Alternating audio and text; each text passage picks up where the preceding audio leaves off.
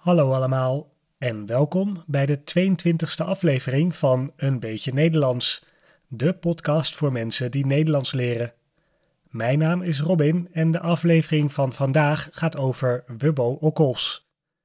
De tekst van deze aflevering kan je meelezen op de website www.eenbeetjenederlands.nl. Je kan deze podcast steunen door vriend van de podcast te worden. Heb jij vorig jaar iets geleerd in de podcast en wil je mij helpen zodat ik ook dit jaar door kan gaan? In de show notes staat een link naar de pagina op mijn website waar je vriend kan worden. Nu, door met de podcast.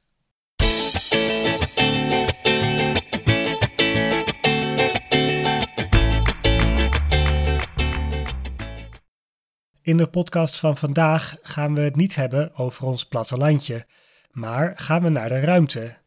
Vandaag ga ik vertellen over Wubbo Okkels, de man die in 1986 de eerste Nederlandse astronaut werd. Dat feit is op zich al interessant genoeg, maar het was ook na zijn carrière als astronaut een interessante man. Wubbo Okkels is geboren in 1946, vlak na de oorlog dus. Hij is geboren in Almelo een stad in het oosten van Nederland in de regio Twente. Maar daar heeft hij niet lang gewoond, hij is opgegroeid in Zuid-Holland. Na de middelbare school ging hij natuurkunde en wiskunde studeren in Groningen. Hij was een goede student en doorliep het hele Nederlandse universitaire systeem. Uiteindelijk werd hij hoogleraar aan de Universiteit van Groningen, waar hij onderzoek deed. In 1977, toen Okkels 31 jaar was, gebeurde er iets dat zijn leven zou veranderen. Op het prikbord van de universiteit zag hij op een dag een advertentie.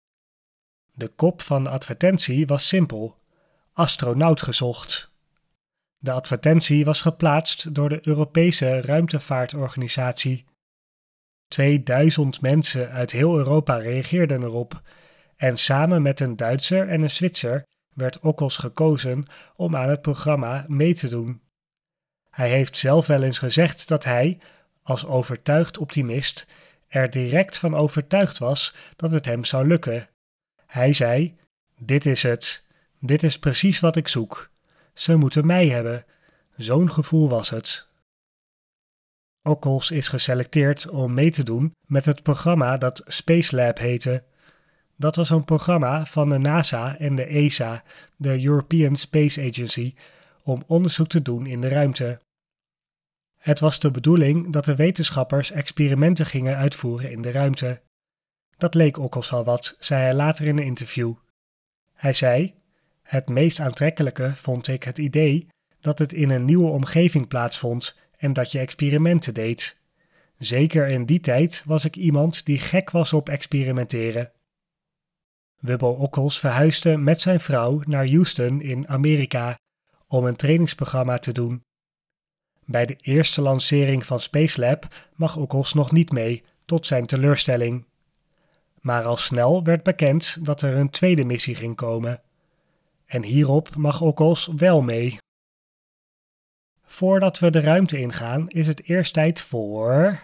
De uitdrukking van de week. Uitdrukking van de week.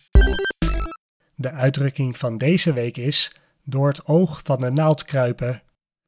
Dit betekent maar net ontsnappen aan een moeilijke of gevaarlijke situatie. We zeggen ook wel op het nippertje. Dus misschien lees je een keer in een krant over een situatie waarbij twee treinen bijna op elkaar waren geknald. Dan zou erbij kunnen staan: de machinist is door het oog van de naald gekropen. Het is op het nippertje goed gegaan. Op 30 oktober 1985 is de grote dag daar. De Space Shuttle Challenger wordt gelanceerd van aarde de ruimte in. Okkels is in totaal zeven dagen in de ruimte geweest, waarbij hij 110 keer een baan om de aarde gemaakt heeft. Hij was verantwoordelijk voor metingen die gedaan werden bij verschillende experimenten. Hij heeft later teruggekeken op de lancering en zei daarover: Je bent gespannen. Het is wild in het begin. Je schudt heen en weer en er is heel veel herrie. Maar het meest indrukwekkende is dat het zo erg snel gaat. Eerst erg wild, dan worden na twee minuten de raketten afgestoten en dan is het stil. Je ziet door het raampje dat het buiten zwart wordt. Het zijn acht minuten, dat is alles. Bij zijn terugkomst kreeg Okkels en zijn echtgenote een heldenontvangst in hun woonplaats. Een tweede vlucht is er voor Okkels nooit gekomen. Toen dat duidelijk werd, is hij zich gaan richten op een voorvechtersrol van duurzaamheid. Oftewel duidelijk maken aan de mensheid dat we goed voor de aarde moeten zorgen. Door zijn tijd in de ruimte realiseerde hij zich hoe bijzonder, maar ook kwetsbaar de aarde is. Hij gebruikte zijn bekendheid om over dit onderwerp te vertellen. Hij presenteerde bijvoorbeeld eind jaren 80 een populair wetenschappelijk televisieprogramma.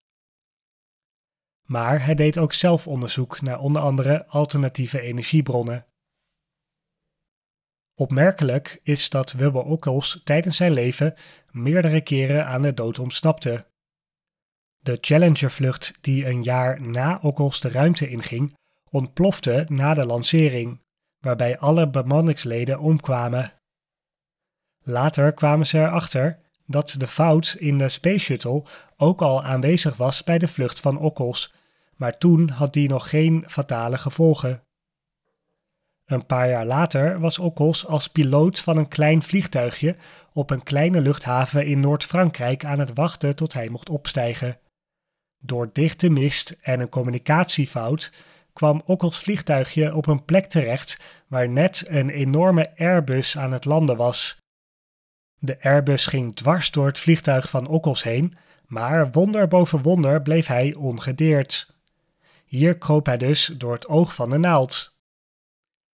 In 2005 kreeg Ockels een zware hartaanval die hij overleefde. Later werd ook nog een tumor ontdekt bij hem.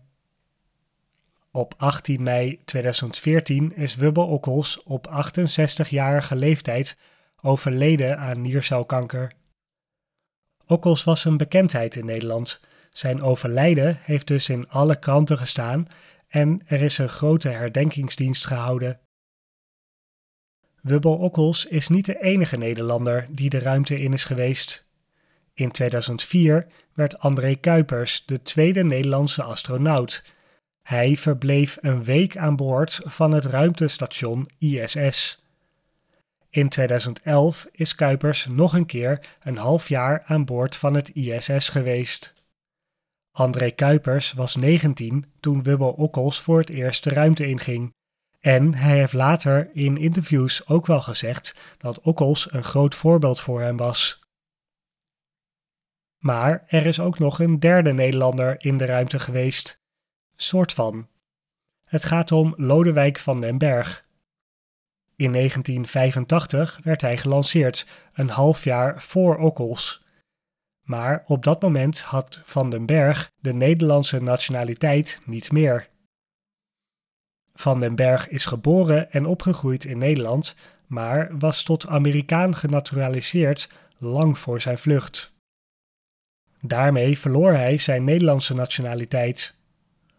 Dus Lodewijk van den Berg was wel de eerste astronaut die in Nederland geboren was, maar Ockels de eerste astronaut met de Nederlandse nationaliteit. En daarmee komt het levensverhaal van Wubbo Ockels tot een einde en deze aflevering van Een beetje Nederlands ook. Ik hoop dat je genoten hebt van het verhaal. Als je deze podcast leuk vindt, kan je een mooie rating achterlaten in je podcast-app. Ook op Spotify kan je tegenwoordig sterren geven, dus luisteraars op Spotify, kijk even in de app en geef die sterren. Vergeet ook zeker niet dat je vriend van de podcast kan worden, waardoor ik deze podcast ook volgend jaar kan blijven maken. Met een kleine bijdrage ben je al vriend van de show. Check de show notes voor een linkje. Ik hoop dat je een beetje Nederlands geleerd hebt en tot de volgende aflevering.